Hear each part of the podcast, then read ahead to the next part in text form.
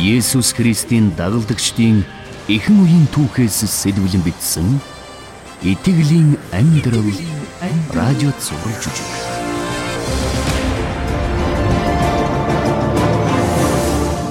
Наймд дугаар анги. Наймд дугаар анги. Элч нарыг шоронд хорьсон. Шоронд хорьсон.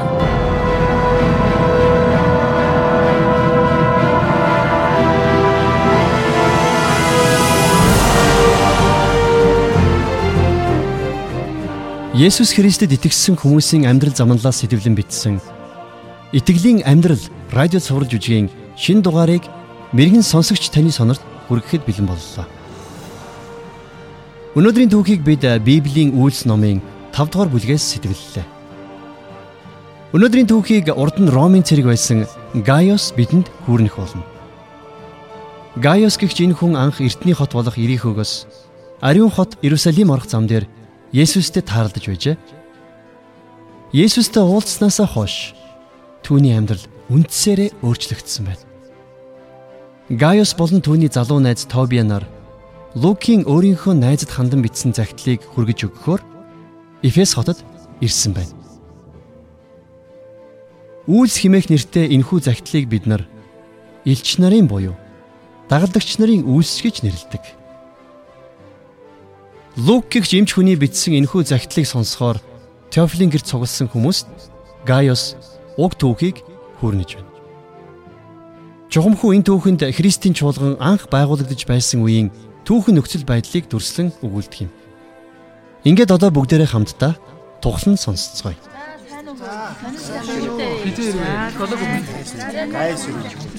Ноёд хадагтай нараа. Та бүхэнд энэ үдшийн мэд хүргэе. Өнөөдрийн цугларалтанд ийм олон хүн ирснийг харахад надад маш сайхан байна. Намайг Гаяс гэдэг. Та нарын ихэнх нь мэдэх байхаа. Би 25 жил Ромын айрамд алба хашсан. Харин Есүстэй уулзснаар миний амьдрал үндсээрээ өөрчлөгдсөн. Тэр надад бусдыг хэрхэн хайрлах тэдэнтэй өөрсдийнхөө сэтгэл зүрх эд хөрөнгийг хэрхэн хуваалцахыг заасан. Цэрэгт байхдаа аюулыг илрүүлж дайсныхаа төлөвлөгөөг тантахад суралцсан байсан юм. Есүст итгэсний дараач мэрэгжлийн энэ өвчин маань надад салахгүй л байлаа. Христийн чуулган бий болоод удаагүй байсан тэдгэр өдрүүдэд элч нарыг Есүсийн тухай тунхаглахыг нь хорих шашны зарим өдөрдөгчдийн хандлагаас аюул занал цухалзаад байгааг тэр үед би анзаарч байсан юм. Нэг өдөр Петр бусад элч нарын хамт үгийг тунхаглаж байлаа. Тэгтэл цугласан олны тунд Ромд цэрэгт хамт байсан Хаммон гэдэг найз маань сууж бай. Тэр маань сүмийн харуулын ажилтай болж л дээ. Би тэрнээс Христэд итгэсэн эсхийг нь асууж хэрв итгэсэн бол сүмийн зарим нэг ажилтнуудын талаар ярилцахаар түүнийг чиглэж хүмүүсийн дундуур зайчилж явлаа.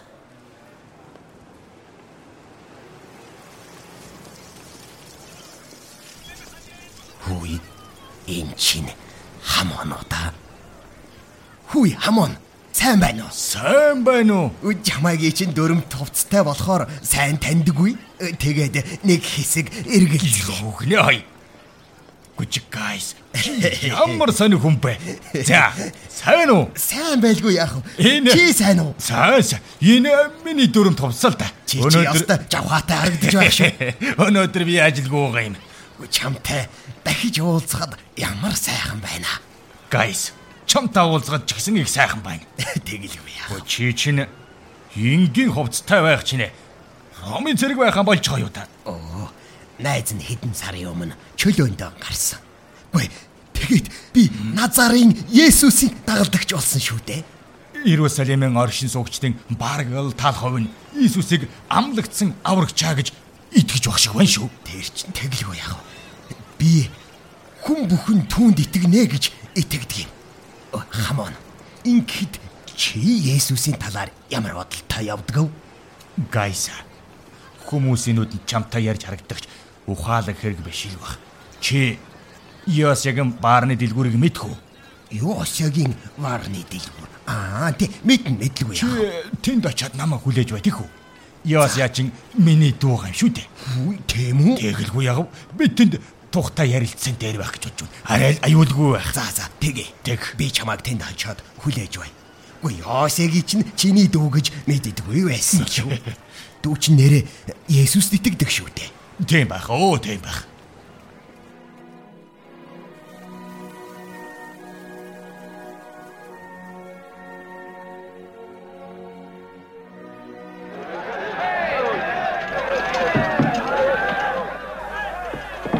За бэрлээ. Хүлээж байсан чи баярлаа. Тэглээ. За миний нөхцөл байдлыг чи ойлгож дээ. Бөө төглөө. Их болгоомжтой байхгүй бол Тийм ээ тийм. Ойлголгүй яах вэ? за Хоёулаа ийшээгээ сууж төрүүчийн яриагаа үргэлжлүүлв. тэgi тэgi. За. Чи өөрөө Есүсийн талаар ямар бодолтой байдг вэ? Бидний яриа зөвхөн чи бит хоёрын дунд л үлдэн. Үгүй чи надад итгэнэ үсттэй. Би сүүлийн 25 жил сүмд харуул хийлээ. Ухаас. Гэр бүлийн тэжээхийн хажуугаар сүмд үйлчлэх боломжтой тажгүй л ажил. Нэрээ тийм бах. Гайс. Гүчи намайг хулчгар гэж бодж байж болох юм. Гэхдээ би Иесусыг үзен яддаг хүмүүсийн дунд байдаг юм шүү. Тийм болохоор би тэрэнд итгэдгэн ил тод хэлхээсээ эмээгээд байдаг. Чи бол ром хүн. Ромчууд юунд итгэх нь сүмэн өдөрдөгчдөд огт сонирн биш байдаг шүү дээ. Тийм үү? Харин ам, намайг Иесуст итгэдэг гэдгийг мэдэх юм бол би ч ажилгүй болоо зогсохгүй. Бүр урвагч гэж буруу гэж магадгүй юм шүү. Тэгэлгүй яах вэ? Чиний санаа зовж байгааг би ойлгож байна. Амон. Сүмийн удирдагчид элч нарын хийж хилж байгааг яагаад ингэтлээ эсэргүүцдэг юм болоо? Харин л дээ. Эрх мэдлтнүүд тэднээс яагаад ингэтлээ айдаг хэрэгэв. Тэд ямар нэг бослог ховсгол хийх гээгүй. Харин тэд ятусыг холлож Есүс хүмүүсийг Есүсийн нэрээр эдгэж хайр уучлалын талаар Тэрийг ч би гадарлан л та. Гой тэгсэн энэ сүмийн удирдагч нар тэдэнд яахаараа ингэж хандаад байгааг би юу ойлгохгүй юм. Гэтэд ч одоо яагаад үннийг харахгүй хүлээж авахгүй байгаа хэрэг вэ? Да. Да би чиний асуултанд аль болох чадхаараа хариулъя. Израилийн шашны удирдагчдын дунд эсрэг тесрэг хоёр итгэл үнэмшил байдаг. Энэ хоёр хоёулаа буруу гэдгийг би харж байгаа. Ухаас. Тэдгээрийн алин ч Бурхны Мосед өгсөн хуультай төсгүй. Мөн хоёулаа хүний бий болгосон уламжлал эрх мэдэл дээр суурилдаг юм шүү дээ. Тийм ээ. Эрх мэдэл. Бардамнал. Ромын эзэн тгүүрэнтэй адил сонсогдож байгаа биз? Сүмд очихдоо шашны өдөрдөгчд хоёр өөр хувцастай байхыг чи анзаарсан байх. Тийм ээ. Тэдний нэлээд нь толгойноос хөл хүртлээ харах хувцас өмссөн байдгийн билээ. Тэд чинь фарисеучуд, ихэнх нь худалдаач, хүлж, бизнесмэнүүд байдгийн шүү. Зарим нь нилээдгүй баян юм. Хөөе тэр. Гэхдээ цөөхөн хідэн хүнээс бусд нь бүгд өөрийгөө хэд дээгүүр тавьдаг хүмүүс байдгийг. Тэд өөрсдөө Мосегийн хуулийн үг үсгийг ягштал дагдаг учраас Бурхны өмнө зөв гэж үздэг юм. Тэд бас өчтөчнөө дөрөм журам гаргаж ирж хэд тэрнийг дагахыг хүн бүрээс шаарддаг юм шүү дээ. Оо за. Сайн Уилс өөрсдийг нь аварнаа гэж боддог байх нь. Тийм болохоор Есүс авралыг үнгүй бэлэглэж байгаа нь Тэдний өөрийгөө хэттээгүүр тавьдаг. Бардам занг нь хөндөд байдгийг байна л та. Нөгөө хэсэг нь алгалсан хувцастай. Толгой дээрээ шигтгээтэй тэтэм өмссөн байсан. Гү тэд нар ч одоо ямар хүмүүс вэ? Тэд чинь садукайчуд байхгүй юу та? Израилийн толгой баячууд тэдний чинь дунд байдаг юм та. Ийд хөрөнгө эрх мэдлийн төлөө байр суурин ашигладан гарам гайвуулсан. Өхлийн дараа амьдрал байдгаа гэдэгт тэд итгэдэггүй. Нэс нь болоод л фарисеучуд тэднийг буруу номтон гэдэг юм шүү дээ. Ийм хоёр бүлгээс нийлсэн 70 хүн сүм дүүлжилдэг. Эд чинь бэвэйнэн үзэн яддаг хэрнээ эрх мэдлийн төлөө болж хэнийг хүлцэн тавьждаг улс та. Гү тэрэ. Яг Ромын зөвлөл шиг юм гэж. Шашны хүрээнд байдал арай өөр байдгийн болов гэж бодож байлаа.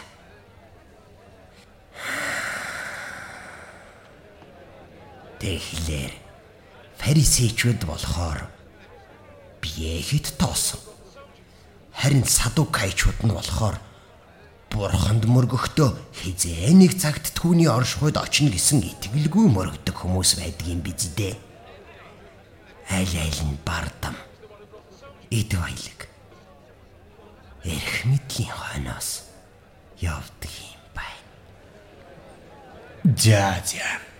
Чи тэгэхээр тэр асуудлыг ерөнхийд нь ойлгосон байлгүй дээ. Ариматын Йосеф Никодим нар шиг бурханлаг шудраг фарисеучуд байна л да. Гэхдээ даанч цөөх юм. Тийм тийм. Йосеф, Никодем хоёрыг би танина. Тэд чинь Есүст итгэдэг гэдгийгэ бусдаас юр нуудгүй юм. Тийм шүү. Тэрнээс гадна Иесусийн дагалдагчдыг бурхныг доромжилсан. Бурхны дайсан гэж үздэг хүмүүс бас сүмд байдгийг. Тэд дагалдагчдыг бурхныг доромжлогчтой гэж үздэг учраас тэднийг хавчиж устгах ёстой гэдэг юм та. За наад хүмүүсийг чинь би мэднэ. Таарсын Саул.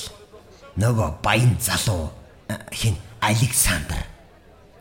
Тэгээд Есүсийг баривчилсан хүмүүсийг удирдсан тэрүүн тахилчин зарс нөгөө нэр нь хэн блэ? Малахи гэдгийг. Чи сая бидний хамгийн аюултай гурван дайсныг хэллээ шүү дээ. Хэрвээ тэд энэ чигээрээ байгаад байх юм бол Иесуст итгэдэг олон хүн шоронд орж олон өдөрдөгчд халагдах болно шүү. Тийм байх. Тэгж таарах байх шүү. Оо, Яося. Йосия. Ашгүй та хоёрын дэвс юм уу? Маш муу мэдээ те. Яасан бэ?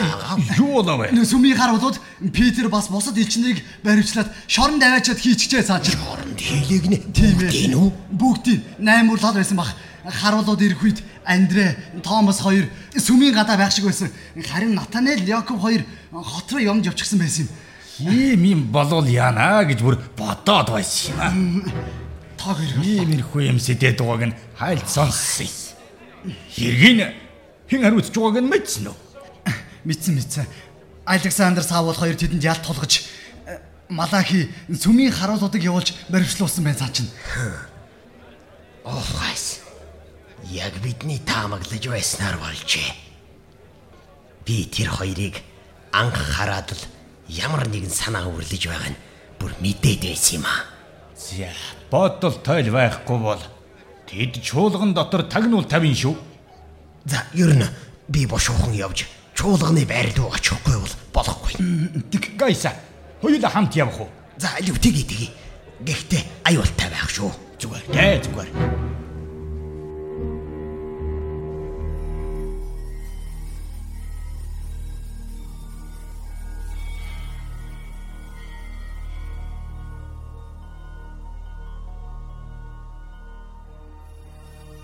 Тинхүү Иерусалимийн шуурхтай гудамжаар сандарч алхаж явтал хэсэг хүмүүс биднийг таниад хурж ирж элч нарт юу тохиолдсныг асуулаа. Зарим элчийг баривчилсан тухай өөрийн сонссон зүйлсээ ярих үед тэдний царайнд урам хугарсан байдал илэрхий байлаа. Бид тэднийг гэртээ харж баривчлагдсан хүмүүсийн төлөө залбирахыг хүслээ. Харин биднийг чуулганы байранд ирэхэд тэнд нилээд олон итгэгч цугласан байсан юм. Петрийн дүү Андрэ, Есүсийн дүү Яаков тэнд ирчихсэн. Хүмүүсийг залбиралд зоригжуулж, баривчлагдсан хүмүүс суллагдана гэдэгт итгэхийг ятгаж байлаа. Бид тэр шүнжэнгөө тэдгээр найз нарынхаа төлөө залбирч хонлоо өөрөөр 3 цагийн үед бүхэл чуулган нэг л амар тайван болж яг тэр үед Андрэ бидэнд ингэж ярьсан. Эзэн минь та бидэнд гайхамшиг үзүүлсэн. Эзэн минь та сайн мэдээ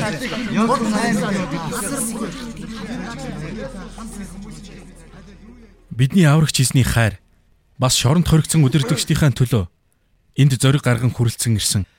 Та нарынхаа итгэмжит байдалд баярлалаа. Та нарын нэгэн адил би тэдний аюулгүй байдлын төлөө айж байлаа. Гэхдээ Бурхны ариун сүнс сая надад амар тайвныг өгч тэд эрүү саруул аюулгүй байдалд байгаа гэдэгт итгэхийг санууллаа. За одоо та бүхэн гэр гэртээ хараа жаахан амарцгаа.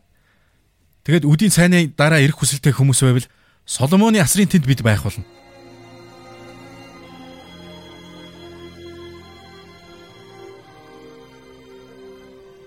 Бидэнтэй хамт залбирахаар чуулганы байранд цугласан хүмүүс овон цовон гэрэл угаа явцгаалаа. Андрэ болоод бусад элч нарыг сүмийн харуул Христ итгэлт хаммон гэрлүүгээ дагуулж явсан юм. Яагаад ч юм хүмүүст амрах сонирхол байсангүй. Тэрч байтугай хоол идэгч хүсэлгүй байлаа. Дууга хурааж түнсгэр царайлсан бид нар үүр гэгэрмэгц босож аваад элч нарын баривчлагдсан газар болох сүм рүү явцгаалаа. Хэдийгээр цаг эрт байсан боловч бидний сүм рүү явж байх замд бидэнтэй нэгдэх гэсэн хүмүүс хэдийн хүлээж байсан юм. Зүрх сэтгэл нь тэднийг итгэл найдвар авралын тухай мэдээг Петрээс сонсож байсан асар олон гайхамшигыг харж байсан энэ газар руу дуудсан бололтой. Иерусалим хот дөнгөж нойрносоос хэрж байлаа. Алсад азарган дахиа шин өдрийг ухтан донготхон сонсогдно. Алтан хаалгаар сүмийн эзэмшил газар нэвтрэн орж Соломоны асрыг чиглэн явх үед баривчлагдсан элч нар бүгдээрээ бидэнтэй нэгтлээ. Тэгэхэд Петр дээр дээр үсэрж доороо эргэлдээд гараа өргөн бурхныг магтаж эхэллээ.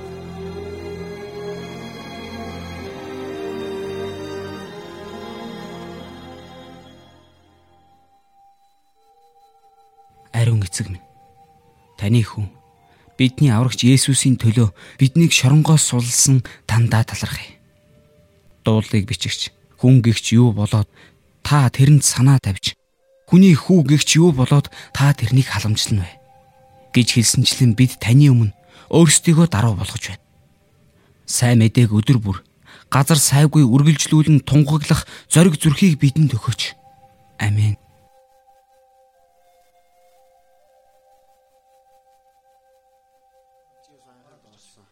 Есүс Христийн зарц итгэл нэг дахан дүүс минь ээ. Та нарын залбирлыг бидний эцэг бурхан сонсч өглөөний 3 цагт нэгэн тэнгэр элч шоронд орж ирээд биднийг сулсан. Бид үнэхээр амьд агуу бурханд үйлчилдэг. Бурхан алдарших бол. Харин би нэг зүйлд жаахан санаа зовж байна. Шоронгийн хуйгуудыг биднийг суллаа гэж хэрэг татах вэ гэж. Ер нь эрх мэдлтнүүд биднийг шоронд байхгүй байгааг мэдээд Тэд нарыг буруутгахгүй байхын төлөө бид бүхэн залбирах хэрэгтэй. Яагаад гэвэл биднийг явсныг харуулууд мдээгүй байгаа шүү дээ.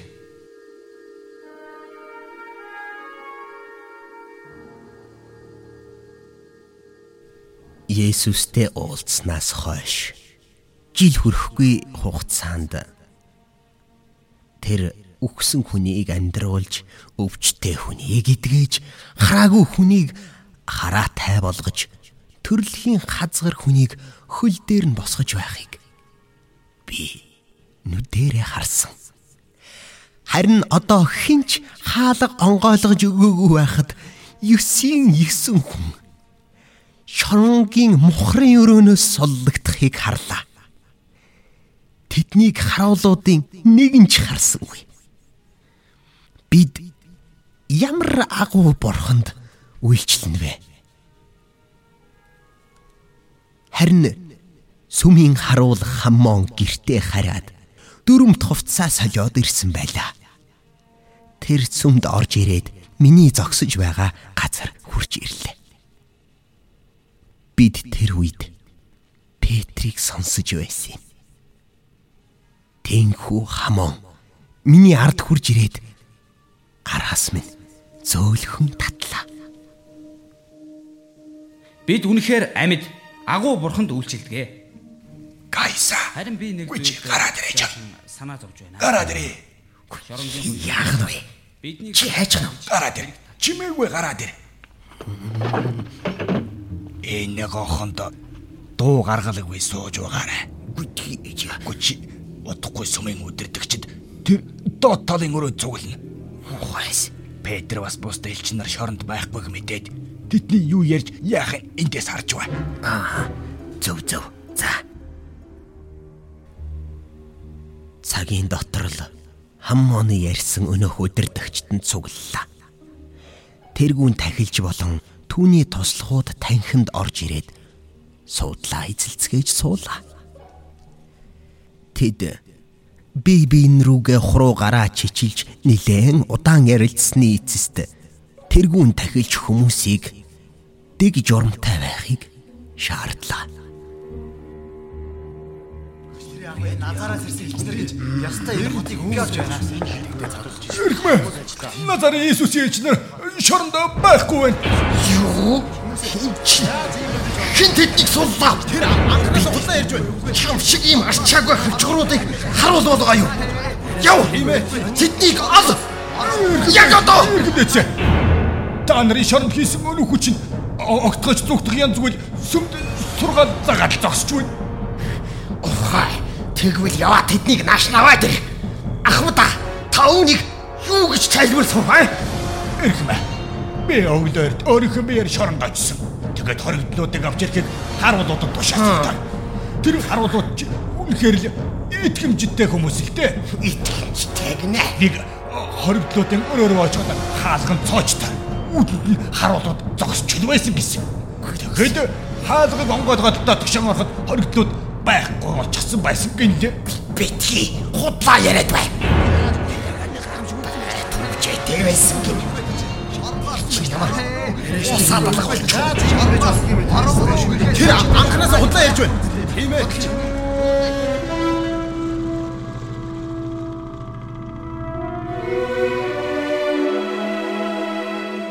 Есүсийн хайртай дагалдагч нар шоронгоос ийм гайхамшигт ор суллагдсан тухай энэхүү түүх надад итгэгч хүмүүсийн залбирал ямар их эрх мэдэлтэй хүчтэй болохыг сануулдаг юм. Бид бурхантай ойр дотн байхын тулд залбирдаг. Өөрөөр хэлэх юм бол амьдралын ямар ч нөхцөлд бурхан биднийг мэрэгэн ухаан хүч чадлаар хангана гэсэн итгэлээр түүнд хандан ярина гэсэн үг. Бидний саяын сонссон түүхэнд гарч байгаа шашны удирдагчдын өөрийгөө бусдаас хэд дээгүр тавих шашинтсан бардам зам ба бурхантай харилцах жинхэнэ хувьчилсан харилцаа хоёрын хооронд ямар их ялгаатай болохыг та ойлгож авсан байхаа хэмээн найдаж байна. Бурхан анх хүмүүсийг бүтээхдээ бидэнтэй харилцаатай байхын тулд бүтээсэн юм. Гэтэл харин гим нүгэл биднийг бурханаас тусгаарласан. Библиэд хэлснээр бардам зам бол хамгийн хөнөөлтөй нүгэл тооцогддог. Яагад гэвэл бардам зам бурхан бидэнд хэрэггүй гэж бодоход биднийг хүргэдэг юм. Түгээрчвэл барам бардам зангаасаа болж бидний амьдралд элдв төрлийн зөрчил тэмцэл үүсдэг шүү дээ. Бардам зам бидний дотор дээрлэхүү сүнсийг бий болгож улмаар биднийг мөхөл рүү дагуулдаг. Харин өөрсдөө бурхны өмнө даруй болгож гим нүглээ түүний өмнө улайж уучлалыг аван Есүс Христийг аврагчаа болгон хүлээн авснаар бидний өмнө мөнх авралын үүд нээгддэг юм. Тэгэхээр Бурхны аварч чадахгүй тийм муу хүн гэж байдгүй гэдгийг өнөөдөр би сонсогч танд хэлмээр байна. Бүтээгч Бурхан эзэн дэлхийн ертөнцийг үнэхээр хайрлсан учраас хүн төрлөختөнд цорын ганц хүүгээ илгээсэн. Ийм учраас хүүд нь итгэгч хэнч мөхөхгүй харин мөн хамтай болох юм аа.